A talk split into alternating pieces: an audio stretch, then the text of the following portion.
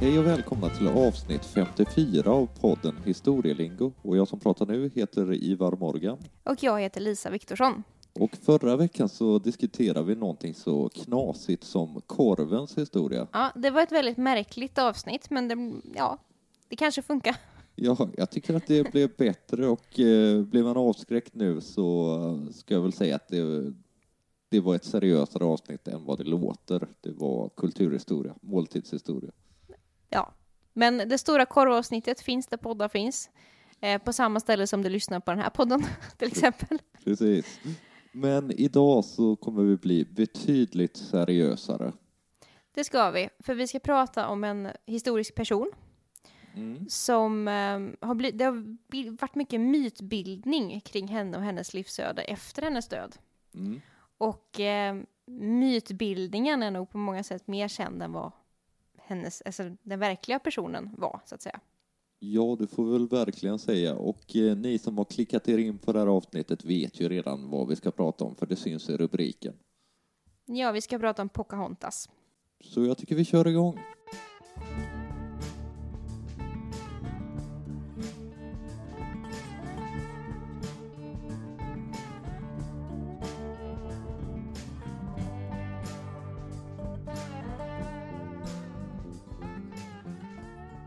Alla historiska aktörer verkar ju under en viss tid och på en viss plats. Och den här historien tar sin början i Virginia.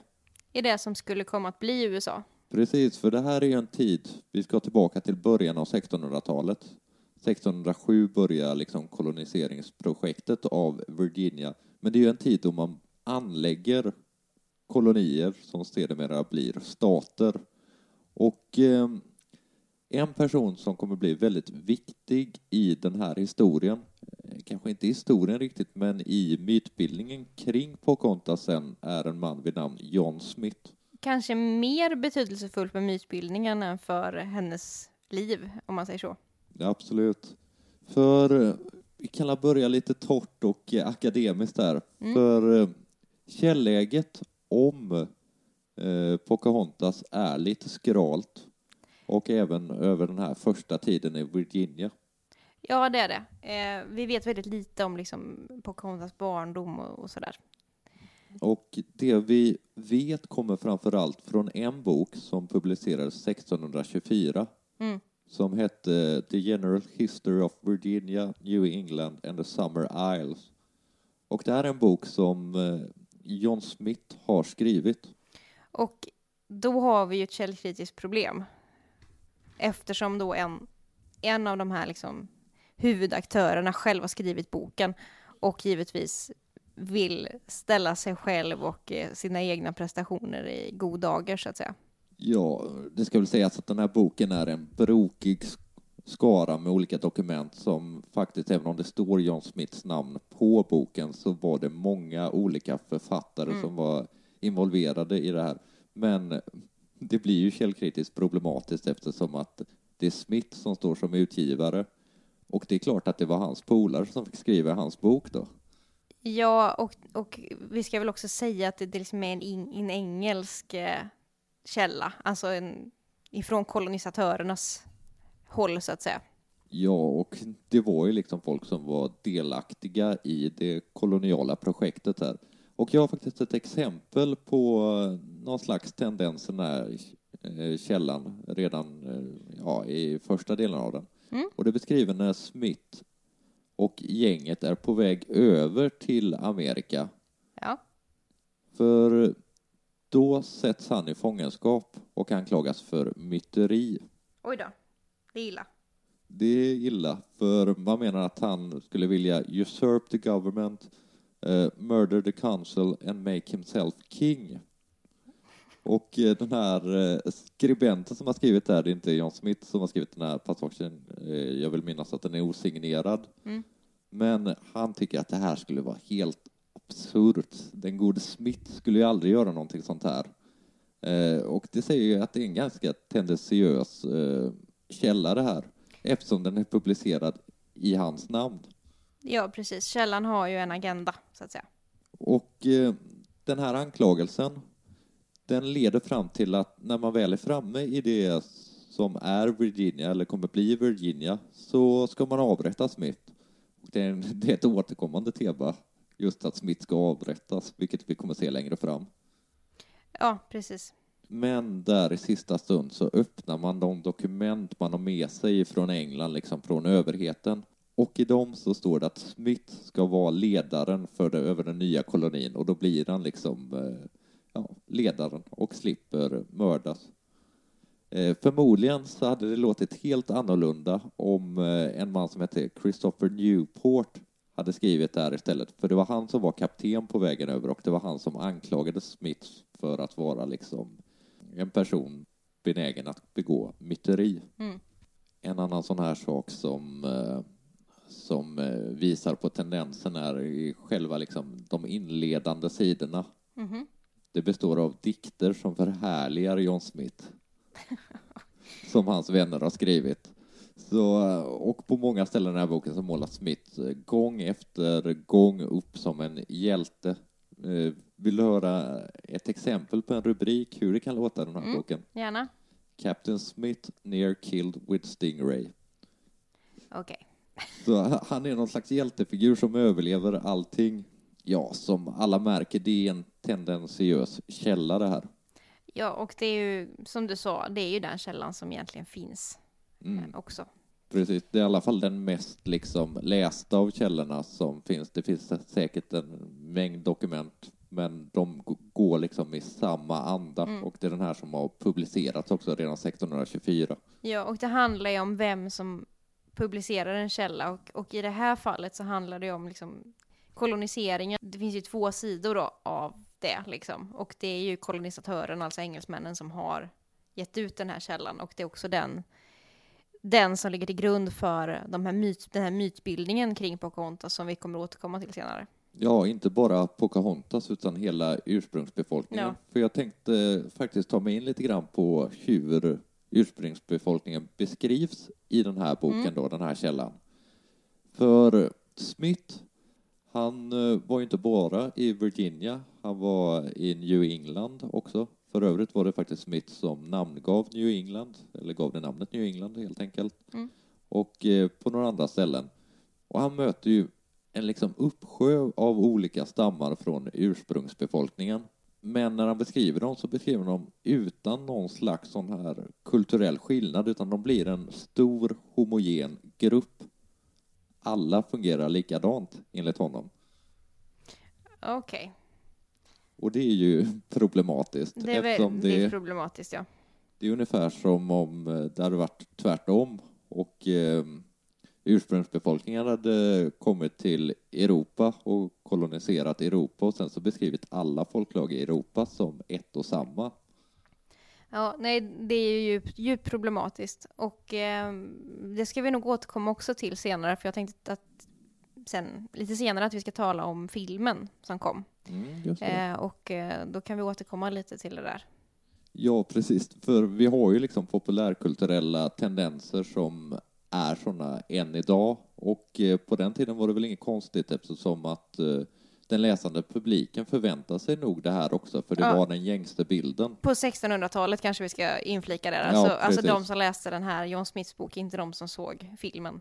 Nej, nej Eh, det är en nej. väsentlig skillnad. Det är väsentlig skillnad. I den här boken så beskrivs ursprungsbefolkningen genomgående som eh, salvage, det vill säga vildar. Det är Ja. det, det, är det liksom ordet han an- använder. Och jag sa ju att han träffade många olika stammar och så, men det var ju framförallt en stam som han bekantade sig med närmare. Eh, mycket på grund av att de levde i närheten av Jamestown som kom att bli eh, liksom det nya Virginias eh, epicentrum. Mm, precis. Och det var en stam som hette Powhatan med reservation för uttal. Den här stammen kommer bli viktig i vår berättelse för det är också från den stammen som Pocahontas kommer. Och eh, hon var dotter till ledaren för den här stammen som, eh, ja, han kallades också Powhatan så att eh, både stammen och ledaren hade samma namn. Ursprungsbefolkningen ses liksom som ett samhälle som framförallt är barbariskt. Mm. Samtidigt som en viss typ av sofistikering syns, till exempel när Smith beskriver uppbyggandet av eh, lagväsen. Okej. Han menar att de hade ett väldigt sofistikerat lagväsen samtidigt som eh, det mesta andra de gjorde var barbariskt enligt honom då. Och eh, vidare så hade ju inte den här stammen något skriftspråk heller. Nej, vilket ju också då, om vi ska komma tillbaka till källkritiken som vi har pratat om så mycket innan, är också att det finns ju ingen källa ifrån ursprungsbefolkningens sida kring den här John Smiths äventyr, så att säga. Nej, det gör ju inte det. Den här Powhatan i alla fall, han beskrivs av Smith som den liksom absoluta makten i det här samhällsbygget. Och eh, Smith menar också att eh, de andra ur, ur ursprungsbefolkningen ser honom som någon slags halvgud. Mm. Det är alltså den statusen som han har. Eh, och på tal om halvgud, vi kan ju prata lite grann om religionen också. Okej.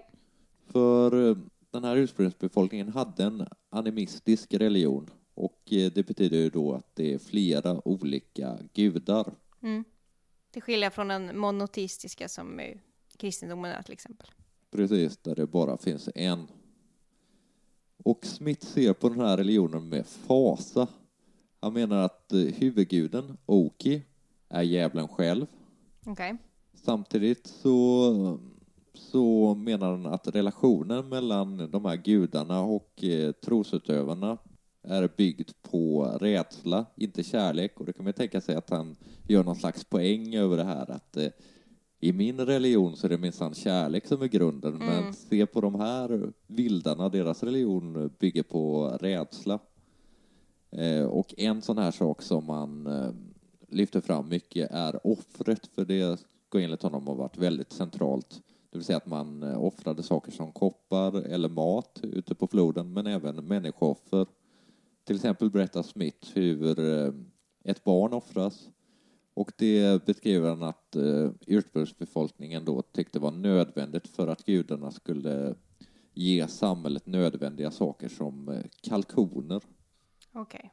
En annan sak som diskuteras i den här boken är huruvida ursprungsbefolkningen såg européerna som gudar när de kom.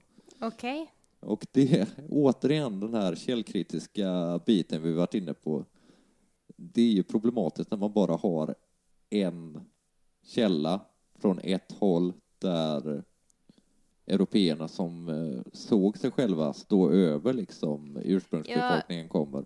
När man pratar kolonialism så är ju ett, alltså grundproblemet är ju då att européerna har ansett sig vara för mer än ursprungsbefolkning. Och det gäller ju inte bara i, i nuvarande USA, utan det gäller ju över hela världen. Att man har liksom gått in och man vill liksom omvända, civilisera vildar och sånt där som man har uttryck som har använts. Eh, det finns ju även längre fram i historien under 1800-talet när man ska åka till Afrika och missionera och sådär. Det är hela tiden det här att, att man ser Europa som världens epicentrum och ehm, europeer har rätt och alla andra har fel ungefär. Och det är det som man, man kan ju prata om eh, eurocentrism. Mm. Eh. En annan sån här sak som man ofta talar om är orientalism. Det Ja, var absolut. litteraturvetaren Edward Said som myntade det där begreppet. Och eh, det, det är ju precis det du eh, beskrev här. Ja, att man exotifierar också. Precis. Eh, det som inte så att säga är västerländskt eller europeiskt. En man som gjorde det här hette Thomas Hurriot. Han var en av de första besökarna. Han skriver också i den här boken. Och han skriver om den här gudaliknelsen, eller vad man ska säga. Han var övertygad om att ursprungsbefolkningen såg europeer som gudar på grund av tre saker. Okej, låt höra. För det första att tekniken de hade var gudalik. Ehm, för det andra att det bara var män som kom. Så de trodde att alla europeer var män, enligt honom då. Och Okej. eh, att männen inte gjorde några romantiska närmanden till kvinnorna från ursprungsbefolkningen, enligt honom då, skulle ha fått dem att ännu mer ja, liksom inte tro på européernas sexualitet och se dem som någon slags, eh, ja, något som kom ovanifrån. Det är Okej. ganska befängt där. Ja, det är helt... eh, Och ganska historielöst, vilket vi ska se längre fram. Ja, Eh, Och den tredje av de här sakerna som han för fram var att männen som kom, alltså européerna, var i samma ålder, vilket enligt honom då ska ha fått ursprungsbefolkningen att tro att eh, européer var odödliga. okej. Att man alltså Aha. kom upp i, jag kan väl gissa att de var 30-40 år, ja. 40 års ålder någonstans, så att eh, man liksom stannar där. Eller ännu yngre kan jag tänka jag. Att man Mm. kanske 20, 20, 20, 30 när man är... Jag vet Mm. inte. Nej, men... Nej, Ja, precis. ja, Okej, ja, men okej.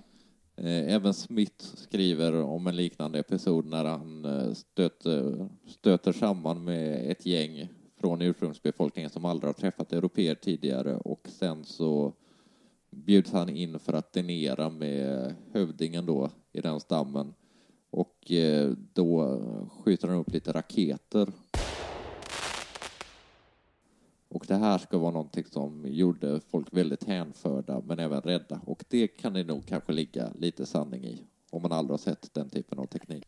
Man får la se på den här källan lite grann som ett sätt att legitimera det som händer, att man kommer till ett nytt ställe och att man eh, helt enkelt beskriver ursprungsbefolkningen som dum, ociviliserad. Det blir mycket lättare att försvara att man eh, liksom skjuter på dem för det skedde ofta handgemäng och blodspillan. Jo, så var det ju. Under hela liksom, koloniseringen av USA. Eller det som skulle bli USA. Så det, det, det, det är en väldigt blodig historia. Det är det absolut. Sen när vi pratar om boken så ska vi också säga att vi har inte sagt något om den tilltänkta läsaren. Nej, Men det är ju en brittisk läsare eh, till det här. Och eh, en brittisk läsare som inte har varit i då det de kallar för nya världen. Och eh, man ville ju imponera. De som hade varit i USA, de ville ju imponera på de som var kvar hemma. Att titta vad vi gör. Liksom. Så att, Mm. eh, precis. det, det, det är återigen ett extremt problematiskt källmaterial. Ja, och det är ju mycket lättare, eh, som jag sa, att, eh, ja, att härja och eh, vara ganska oskön om man beskriver den andra då som ociviliserad. Och man liksom banar väg för att legitimera kolonisering och eh, utökade maktpositioner i det här nya landet man har kommit till. så har det väl egentligen varit i konflikter genom hela historien att man ofta har använt just metoden att smutskasta sin motståndare för att liksom förhöja sig själv. Mm. Eh, och, och- eller ja, det är väl inte bara i krigsföring utan det är väl i alla möjliga sammanhang fortfarande idag att folk vill förhöja sig själva genom att trycka ner andra. Det är ju vanlig liksom, mobbnings... Har en vanlig eh, mobbningstaktik. taktik, liksom. Men eh, Smiths bok är helt enkelt en ganska usel källa. Mm. För att det beror på vad man frågar den. Så är det ju ofta med källor, Ja. för man kan ju liksom fråga den om man preciserar frågan och eh, vill fundera och undersöka hur man såg på ursprungsbefolkningen under den här Det- tiden så är det en helt lysande Ja, källa. som sagt, man kan inte, alltså allt, allt källmaterial som finns går ju att använda. Frågan, alltså det handlar ju bara om hur du använder det. Och det här är ju ett extremt bra exempel på, det du var inne på då, med orientalism. Eh, det, det är ju ett skolboksexempel på hur man, ja, hur det har använts så att säga. Men som sagt, inte som en historisk källa om man vill berätta berättelserna på konta så är det en väldigt dålig källa. Det håller jag med om. Men eh, vi kan kanske lite sakta men säkert komma in på Pocahontas. Mm. För ehm, eh, Pocahontas står i viss mån i den här boken för någonting annat än vad ursprungsbefolkningen generellt gör. De Mm. är dumma och ociviliserade. Medan Pocahontas får en annan funktion i den här berättelsen. För hon står för någon slags renhet och oskuldsfullhet i den här källan. Så det blir en slags dikotomi mellan ursprungsbefolkningen å ena sidan och Pocahontas å andra sidan. Och det här kanske är ett tidigt exempel på den vurmen för naturens renhet som kom att bli rådande senare under kanske framförallt 1700 och 1800-talet under upplysningen och eh, romantiken. Mm. Ja, det, här med liksom, det finns ju ett begrepp till exempel, den ädla vilden Mm. eh, och sådär. Av Jean-Jacques Rousseau.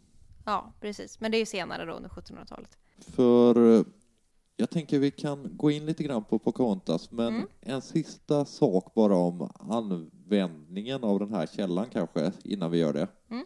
Vi kommer säkert komma in på den här episoden alldeles strax, men eh, kan jag börja där kanske? För Smith, han är ute och, eh, ja, ja, vad han nu gör. Han är ute i skogen i alla fall med några kumpaner. Ja.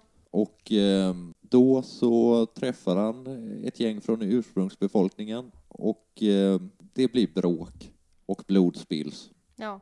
Eh, Självklart blir ursprungsbefolkningen inte särskilt glad när Smith och hans gäng har eh, liksom spilt blod så att de tar dem till fånga. Och de föds till Powhatan, berättas det i alla fall. Ja, precis. Eh, Vi kommer nog snart in på varför jag sa berättas det. Mm.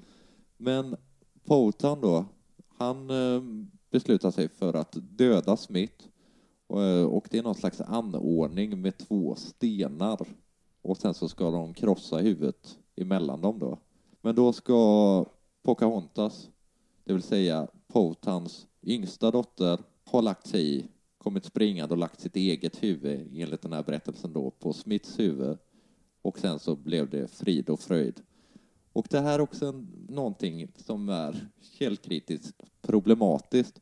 För att här blir liksom Smith utmålat som en så charmig man att inte ens fienden eh, Kan tycka illa om de- honom. Nej, precis, och räddar honom. Så att Pocahontas får en sån funktion i den här liksom, berättelsen som är väl den mest klassiska av berättelsen om Pocahontas. Att eh, hon blir någon slags, eh, stå, står för någon slags renhet och något eh, överideal samtidigt som Smith glorifieras ännu mer. Ja, och vi ska ju ha med oss då att vid den här tiden så är Pocahontas ett barn. Ja, Vilket gör att det blir lite, lite, lite orimligt alltihopa. en sista sak om eh, den här boken då. Ja. Sen går vi in mer på Pocahontas som avsnittet egentligen ska handla om. Ja, precis. Det kan också ses som ett försvarstal för hela kolonin. Till exempel så skriver Smith i ett brev, lite ursäktande, att man inte riktigt kan vänta sig samma saker av Virginia som de andra kolonierna för att det måste gå lite mer tid. Så att det är något slags legitimering och historieskrivning över hans eget livsverk och kolonin då. Mm. Så det, det är ju en problematisk källa på väldigt många sätt. Tidsaspekten också. Det var ju liksom 1607 som man började äventyret och Ja. den här boken kom ut på 20-talet så det är en ganska lång tid emellan. Ja, jo, det påverkar ju också. Det här, det är ju en efterhandskonstruktion alltihopa. Det är ju, det är ju helt enkelt ett propagandaverk. Mm. Kan vi väl avfärda det som. Kanske.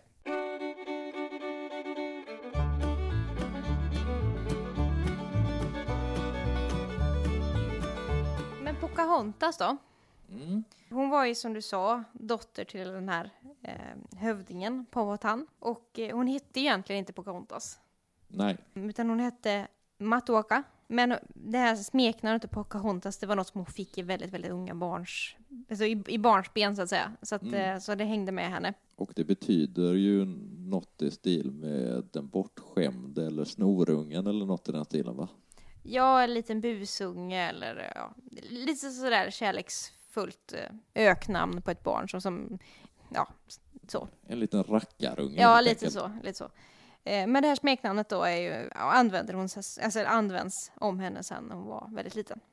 Mm. Och det är ju det som är det mest kända för eftervärlden också. Exakt, och det är därför som vi använder namnet Pocahontas och inte Matuaka. Och hon kommer att få ytterligare ett namn sen.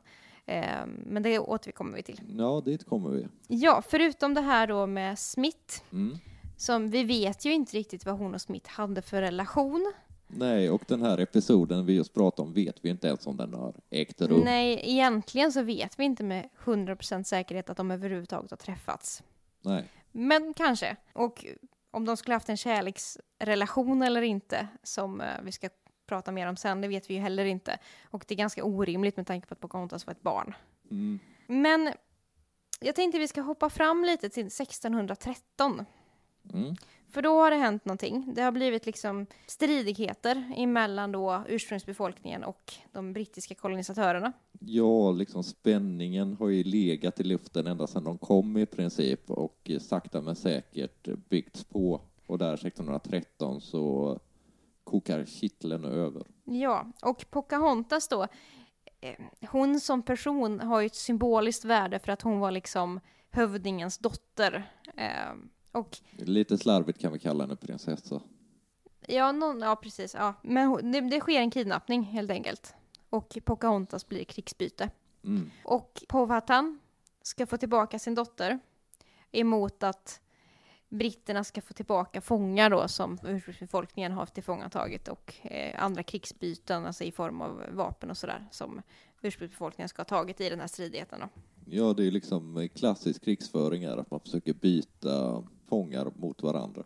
Precis. Men det här är ingen, ingen enkel diplomati. Det drar ut på tiden, det går väldigt lång tid, så att Pocahontas, hon... eh, Ja, fånge och fånge, hon är ju fast i, i Jamestown. Ja, precis. Eh, med britterna. Men hon, lä- hon liksom börjar att leva tillsammans med dem. Hon lär sig engelska flytande. Mm. Och eh, det går till och med så långt så att hon döper om sig. Mm. Alltså blir kristen. Och om det är hennes egen vilja eller om hon är tvingad, det kan vi ju omöjligt veta. Nej, det är ju väldigt svårt att veta. Men det har väl kanske lite grann med den här bilden jag talar om, om Pocahontas som den rena och oskuldsfulla här. Att om man tvingar henne att döpa sig så skulle det passa det narrativet också. Den eh, bilden som har målats av henne. Ja, och det här då med citattecken liksom omvända vildar eller civilisera vildar. Men vi vet inte varför hon döpte sig. Om det var fri vilja eller om det var tvång eller vad som låg bakom. Men hon gjorde det och i samma veva så bytte hon också namn och eh, tog sig Rebecca. Mm. Namn. Ett eh, brittiskt namn där. Precis. Och eh, ja, hon, hon lever på med den här liksom eh, i, i Jamestown town med britterna. Mm. Och hon träffar en man som hon gifter sig med, John Rolfe. Mm. Han var tobaksodlare. Varför de gifte sig, det vet vi heller inte riktigt. Om det var, återigen, om det var arrangerat, om det var tvång eller om det var frivilliga, det vet vi inte. Nej, men vi vet i alla fall att de gifte sig. I april 1614. De kom även att få en son, Thomas, som föddes då eh, året efter, 1615.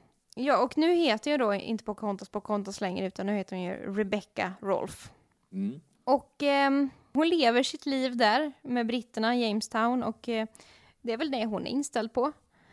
Och eh, det sägs då att kriget ska ha blivit lite mildare, det vet vi väl egentligen inte heller. Det är väldigt, den här historien är fylld av saker vi inte vet. Nej, men eh, man kan ju tänka sig att det lugnar liksom situationen lite om dottern till den ena ledaren bor med de andra Ja, det, och har gift sig. precis. Det, det blir väl någon slags fredsmäkleri kanske. Hur som haver, 1616 så um, beslutar sig eh, John Rolfe att han ska åka till England. Och syftet är att man ska åka hem på en resa, en propagandaresa. Ja, okej. För att, eh, som vi var inne på tidigare, britterna som var kvar i England, som aldrig hade varit i, liksom, i den nya världen, eh, de var ju tvungna att få reda på vad som händer. Mm. Och eh, då tar man med sig diverse folk ifrån Jamestown, däribland då eh, John Rolfe och Pocahontas. Och tillsammans med en del annan, andra kvinnor ur ursprungsbefolkningen. Och eh, man reser till England för att liksom sprida reklam för att kom till Jamestown, kom till Virginia. Ja, precis, Så. för att det, det, det kräver ju liksom, kolonier kräver ju expansion hela tiden Mm. och då behöver man ju folk. Och eh, liksom det här organisationen, eller vad man ska kalla kallas ju för Virginia-kompaniet. Och eh, de kommer till England och eh, blir, det blir pompa och ståt. Det här är en happening i England. Ja, det är klart att det är det. Det Eh. kommer massa folk som varit borta länge på någon eh, okänd, eh, nästan liksom mytomspunnen har det blivit snabbt liksom plats. Ja, där. absolut. Och då har vi det här med orientalism igen och exotifiering. Att de här kvinnorna som är med ur ursprungsbefolkningen är ju ett jätteexotiskt inslag. Och Pocahontas i synnerhet som kallas för prinsessa eller till och med eller, eh, Lady Rebecca. Och hon blir väldigt uppburen, hon får träffa hovet, hon får gå på teater, hon får uppleva London och sådana där saker. Men en ganska kort resa.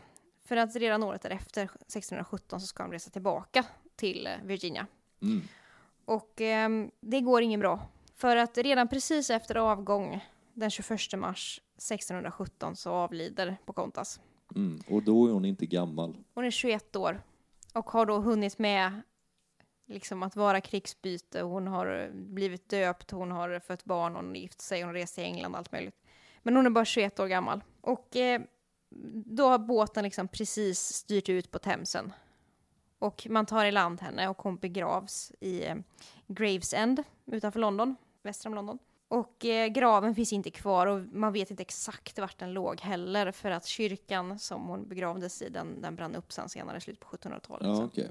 Så att eh, vi vet inte exakt. Vi vet heller inte riktigt varför hon dog. Och här är ytterligare mytbildningar.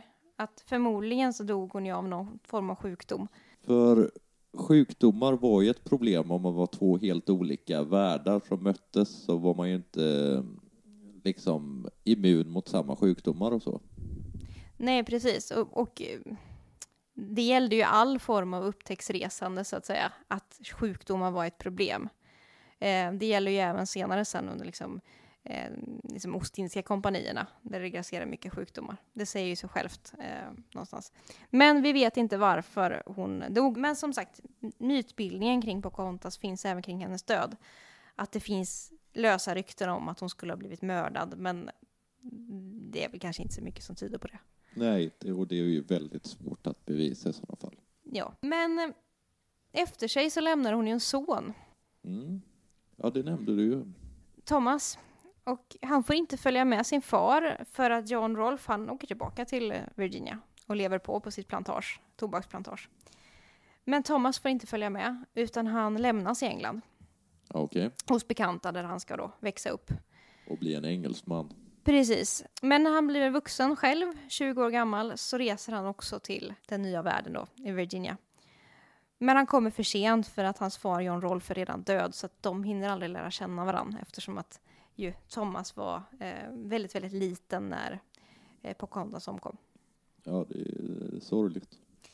Men han ärver i alla fall den här tobaksodlingen som John Rolfe har haft och eh, han ärver även sin morfar, alltså Pocahontas far, Mm. och ärver en del liksom, både mark och egendomar efter honom. Men Thomas då, själv, vad hände med honom? Jo, han tog över plantaget och drev det vidare, tobaksplantaget. Han gifte sig med sin Jane och de fick ett barn Mm. och fick sex barnbarn. Ja, och då kan man ju tänka sig att det finns en del kvar idag som är eh, släkt med dem, om det var så mycket som sex barnbarn. Ja, det ska finnas extremt mycket nu levande amerikaner som ska vara ättlingar till, eh, till Pocahontas då, kan man säga. Och eh, en av dem som säger sig vara släkt med, eller sa sig, hon lever inte längre, men som sa sig vara släkt med Pocahontas, det var den före detta First Lady Nancy Reagan. Alltså Ronald Reagans eh, hustru. Och även före detta ja, presidentkandidaten John McCain Ja, just det, det var han som gick upp mot Obama, va? Precis, han eh, sa sig också, han är också bortgången, men han sa sig också vara släkt med Pocahontas. Sant eller ej, det vet vi inte, men eh, eftersom att de fick sex barn så är det i alla fall rimligt att det borde finnas nu levande ättlingar. Ja, det är ju mycket rimligt.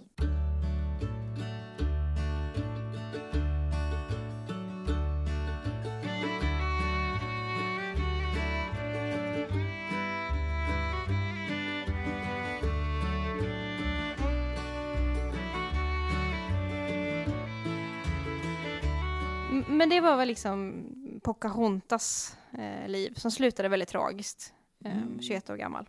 Får vi säga, men eh, bara för att en person dör så dör ju inte mytbildningen kring den. Absolut inte, den kan snarare få fart. Mm. Och eh, det kan vi väl gå in på lite nu, för eh, det gjordes ju den där filmen. Ja, den gjordes ju 1995. Walt Disney Pictures. Disney-filmen Pocahontas hade premiär 95. Och ehm, jag tänkte vi skulle diskutera den lite. Gärna det. När vi ändå har pratat källkritik och eh, orientalism och eh, så vidare, och kolonialism, så tycker jag det passar sig att prata om filmen Pocahontas. Som ju blev en succé när den kom.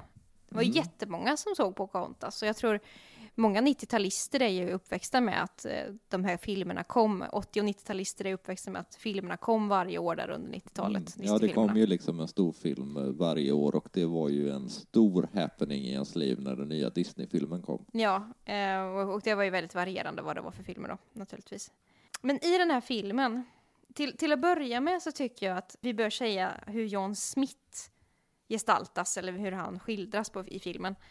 Och han är ju liksom en god upptäcktsresande. Mm, han är ju supersnäll där. Han är ju hjälten i den här filmen. Eh, han är supergod liksom och snäll och fantastisk och ser bra ut och liksom allt det där. Och eh, det hör ju samman med hans egen berättelse om sig själv. Eh, Jaha, liksom. man, det, det, går ju liksom en klar linje mellan den här boken som, eh, som vi diskuterat tidigare och den här filmen. Hur man ser på John Smith. Precis. Och sen ska det ha funnits en guvernör som heter, i, i filmen heter Ratcliffe. Också, han skulle vara ond och grinig och girig och liksom, han var ingen snäll. Men John Smith han var oerhört snäll och mm. vänlig och han är fantastisk på alla sätt och vis. Och eh, det är ju lite intressant för tanke på att han var ju ändå kolonisatör. Mm. Eh, och ville ju göra liksom, någon annans mark eller land till sitt. Eh, mm. Och eh, i filmen så uppges det också att John Smith är ute i skogen och letar citationstecken vilda då. Eh, för att han vill se hur de ser ut. Ja, och eh, det stämmer ju inte. Ja, det vet vi väl inte om han var ute och letade efter dem för att se hur de ser ut, men, men, men det är en väldigt konstig sak att, att ge hjälten i filmen att han går runt och letar efter, eh, alltså, ja, 1995 så kan inte det här heller varit ett okej sätt att, att skildra världen på. Nej. Eller? Eh, ja, i alla fall. I Disney-varianten av Pocahontas så vill då eh, Pocahontas far på att han dödar Smith, som du var inne på eh, tidigare. Ja, enligt den här myten då. Enligt myten. Och hela den här filmen bygger ju på mytbildningen om det här då. Och eh, i Disneys version så um, ska Powhatan ha dömt Smith till döden, liksom att så här beordrat sina mannar att nu ska ni slå ihjäl den här eh, människan. Och då ska Pocahontas ha fallit liksom, liksom på, i filmen då, så faller hon gråtandes framför sin far och bönar och ber att snälla far, mm. eh, låt honom leva för jag älskar honom, han äger mitt hjärta och sådana saker. Mm. Och som sagt, vi vet inte ens om Smith och Pocahontas har träffats och att de skulle haft en regelrätt kärleksrelation är relativt orimligt med tanke på att hon var ett litet barn. Ja, verkligen. Hur som helst så um, mjuknar Powhatan av dotterns bedjande och um, säger att okej, okay, han får gå. Men då kommer den här guvernören, guvernören Ratcliffe in i bilden mm. och siktar på att skjuta Powhatan. Just det. Mm. Och då Smith, hjälten Smith, han eh, går inte med på det här, att eh, Ratcliffe ska skjuta på Kontas far, så han kastar sig eh, framför Powhatan och tar skottet och faller ner. Britterna som ser det här, de fängslar Ratcliffe och han skickas på ett skepp som liksom fånge tillbaka till England. Och sen är han ute ur bilden ungefär. Ja. Men Smith han överlever och eh, han och Pocahontas är otroligt förälskade.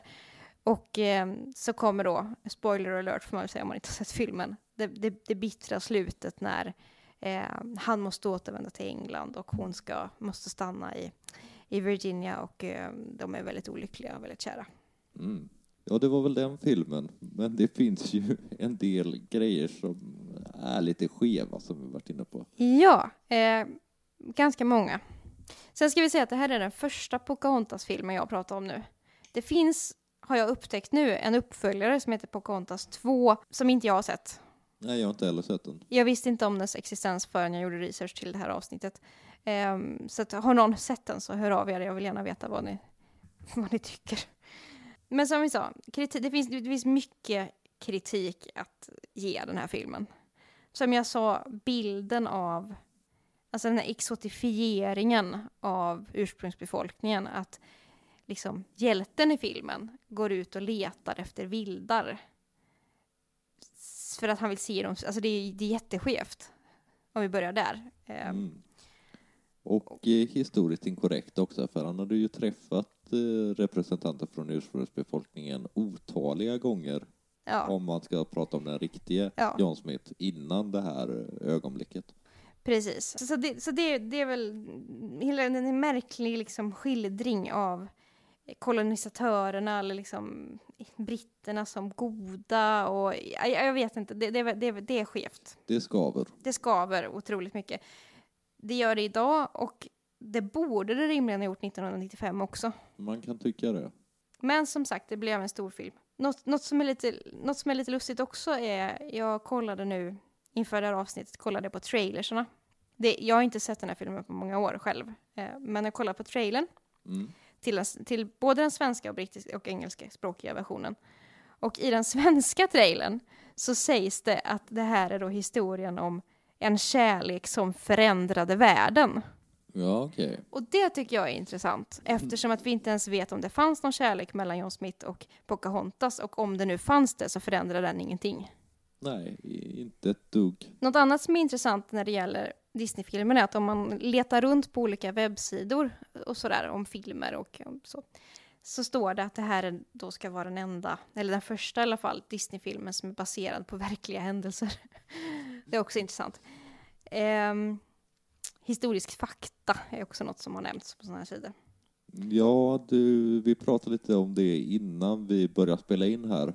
Och eh, då nämnde du att på de här sidorna så stod det att det, det enda som var fel liksom, faktamässigt med den här filmen var att Union Jack användes. Eh, Det är på en specifik sida.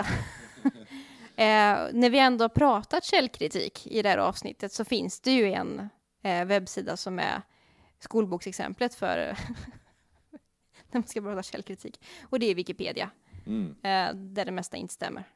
Och eh, på Wikipedia så står det faktiskt att det enda sakfelet i Pocahontas-filmen är att de använder Union Jack. Och det är ju, det är korrekt, för att de använder Union Jack, men Union Jack fanns inte Nej. eh, på 1600-talet. Så det är ju rätt, men det är ju inte det enda felet. Nej, man drar lite väl höga växlar och man eh, går ut och säger att det är det enda felet med den här filmen. För att hela, hela storyn är ju historiskt inkorrekt. Ja. Det är ju fake history. Det är fake history, och det är det här som blir så lurigt då. Att om man tittar på Pocahontas med en animerad Disney-film från 90-talet och tänker att det här är historieskrivning. Det här är sant, det här bygger på verkliga händelser. John Smith var en hjälte. Det bygger ju på, alltså på 90-talet så har man ju spett på den här mytbildningen om europeen som högtstående, eller vad man ska säga. Ja, och det, det, det är ju det vi var inne på tidigare också med ursprungsbefolkningen som barbarisk, dum, samtidigt som Pocahontas får bli den andra liksom omvända orientalismen, om vi ska använda det uttrycket igen, som den rena, oskuldsfulla, snälla. Ja, men då blir ju också Pocahontas någonstans undantaget som bekräftar regeln. Ja, men det, det är ju det som är med orientalism, att det både finns orientalism, klassisk orientalism, men även omvänd orientalism. Och Ja. bägge två eh, kommer ju ur samma grund som handlar om exotifiering av den andra. Och eh, jag tycker det är viktigt att ta upp det här, för att dels är det en väldigt, det är en väldigt uppskattad film som många har sett, eh, och få kanske känner till att det överhuvudtaget finns en verklig, liksom, verklig Pocahontas. Och många kanske har sett filmen och tagit det som historisk fakta. Vilket ju är helt fel, för det är bara tecknad film. Ja, det är ju det det är. Och eh, som sagt, det, den är väldigt skev tycker jag. Och eh, det förvånar mig att man 1995 tyckte att det här var en bra idé, faktiskt. Mm. Jag vet inte, många av de här Disney storfilmer har gjort remakes på i, alltså Lejonkungen kom här om året och ehm, sådär med levande, alltså med levande människor och Ja, Och så. Mulan var väl nu senast. ja, och Aladdin, Skönheten och odjuret. Mm. Eh, och, ja, det har kommit många av Disneys storfilmer och eh, jag har försökt ta reda på lite om Pocahontas är på gång och det har varit på gång. Eh, man kan se lite sådär, lite så sneak peeks och sådär. Men sen finns det en diskussion där, där rasismen tas upp och att det kanske är väldigt olämpligt att göra den här filmen 2020. Mm. Så att jag vet inte just nu hur det blir, om det blir någon Pocahontas remake eller inte. I så fall måste man göra remake på riktigt och ändra hela storyn i så fall. Ja, och det låter inte så Disney... Nej, det, det lilla jag hittade på nätet med liksom sneak peeks ifrån den här med levande människor så bygger det snarare, det spär på det som den tecknade versionen redan har, Mm. har gjort. Det är väldigt mycket att ursprungsbefolkningen liksom springer runt och skriker och eh, sådär och eh, britterna har vackra liksom, kläder och rustningar och är väldigt vältränade och det, ja, det, är, det är väldigt, väldigt skevt. Ja, och hela Disneys idé med de här remakesen antar jag är att mjölka konceptet ännu mer. Ingen skulle vara intresserad av att gå och se den här filmen om den var helt korrekt enligt de fakta vi har. Nej, det hade ju blivit en annan film. För det handlar ju, tror jag, de här nya filmerna om nostalgi mycket. Att man får en betalande publik som vill se exakt samma sak en gång till som de såg när de kanske var barn. Ja, att man vill gå med sina egna barn och se samma som man såg som tecknat när man var liten. Sy- Syftet med det är ju att Disney ska, ska, ska tjäna mer pengar. Ja, självklart. Sälja mer eh, merch och ja. Eh, de har ju nog gjort sin hacka på detta. Men jag tycker det här var väldigt intressant att titta närmare på. Ja, jag tycker det här blev ett eh, kanonavsnitt. Och eh, som sagt, det här är ju, jag menar, nu såg vi ett samband mellan John Smiths böcker på 1600-talet och Disneys produktion på 1990-talet. Mm. Och att det har inte hänt så mycket emellan. Det är fort, alltså, källkritiken saknas ju. Mm. Och det är fortfarande liksom det här med det eurocentriska i det hela. Precis. Och jag kan tycka det är viktigt att man kan ta upp sådana här exempel. För det är ju så att tyvärr alltså exotifiering, orientalism och rasism är ju inget som är utdött Nej, det sker ju hela tiden. varje dag i hela världen. Ja. Så att, så att det, jag tycker det är viktigt att ibland kan man så stanna upp och tänka ett varv till när det gäller populärkultur, Mm. faktiskt. Ja, vad ska vi, vad ska, ska vi ta det här i land? Ja, jag tänker väl att vi kanske inte har så mycket mer att säga i det här ämnet idag i alla fall, men eh, Vi, vi, vi kan ju det här med att eh, verklighetsbaserade filmer eller sådär, eh, Mm. historiska filmer. Och, om det är något som skulle vara intressant att göra fler avsnitt om, eh, om andra filmer eller produktioner som har gjorts så kallat fakta, byggd på fakta. ja, då får man gärna höra av sig om man vill ha mer Mm. sådana avsnitt, för vi har en e-mailadress Historielingo.gmail.com och sen så finns vi även på Instagram. Historielingo heter vi där. Och eh, nästa vecka så ska vi tala om något eh, annat. Ja, ehm, jag tänkte att du skulle säga någonting helt annat. Mm. Fast Det blir det inte det riktigt. blir inte riktigt någonting helt annat. Eh, jo, det blir något helt annat. Eh, men källkritiken ska vi hålla fast vid. Mm. Vi har ytterligare ett exempel, för vi ska prata om Erik den helige. Det blir roligt. Det blir väldigt roligt, men ni får ha det väldigt bra till dess. Ha det så gott. Ha det gött. Hej. Hej.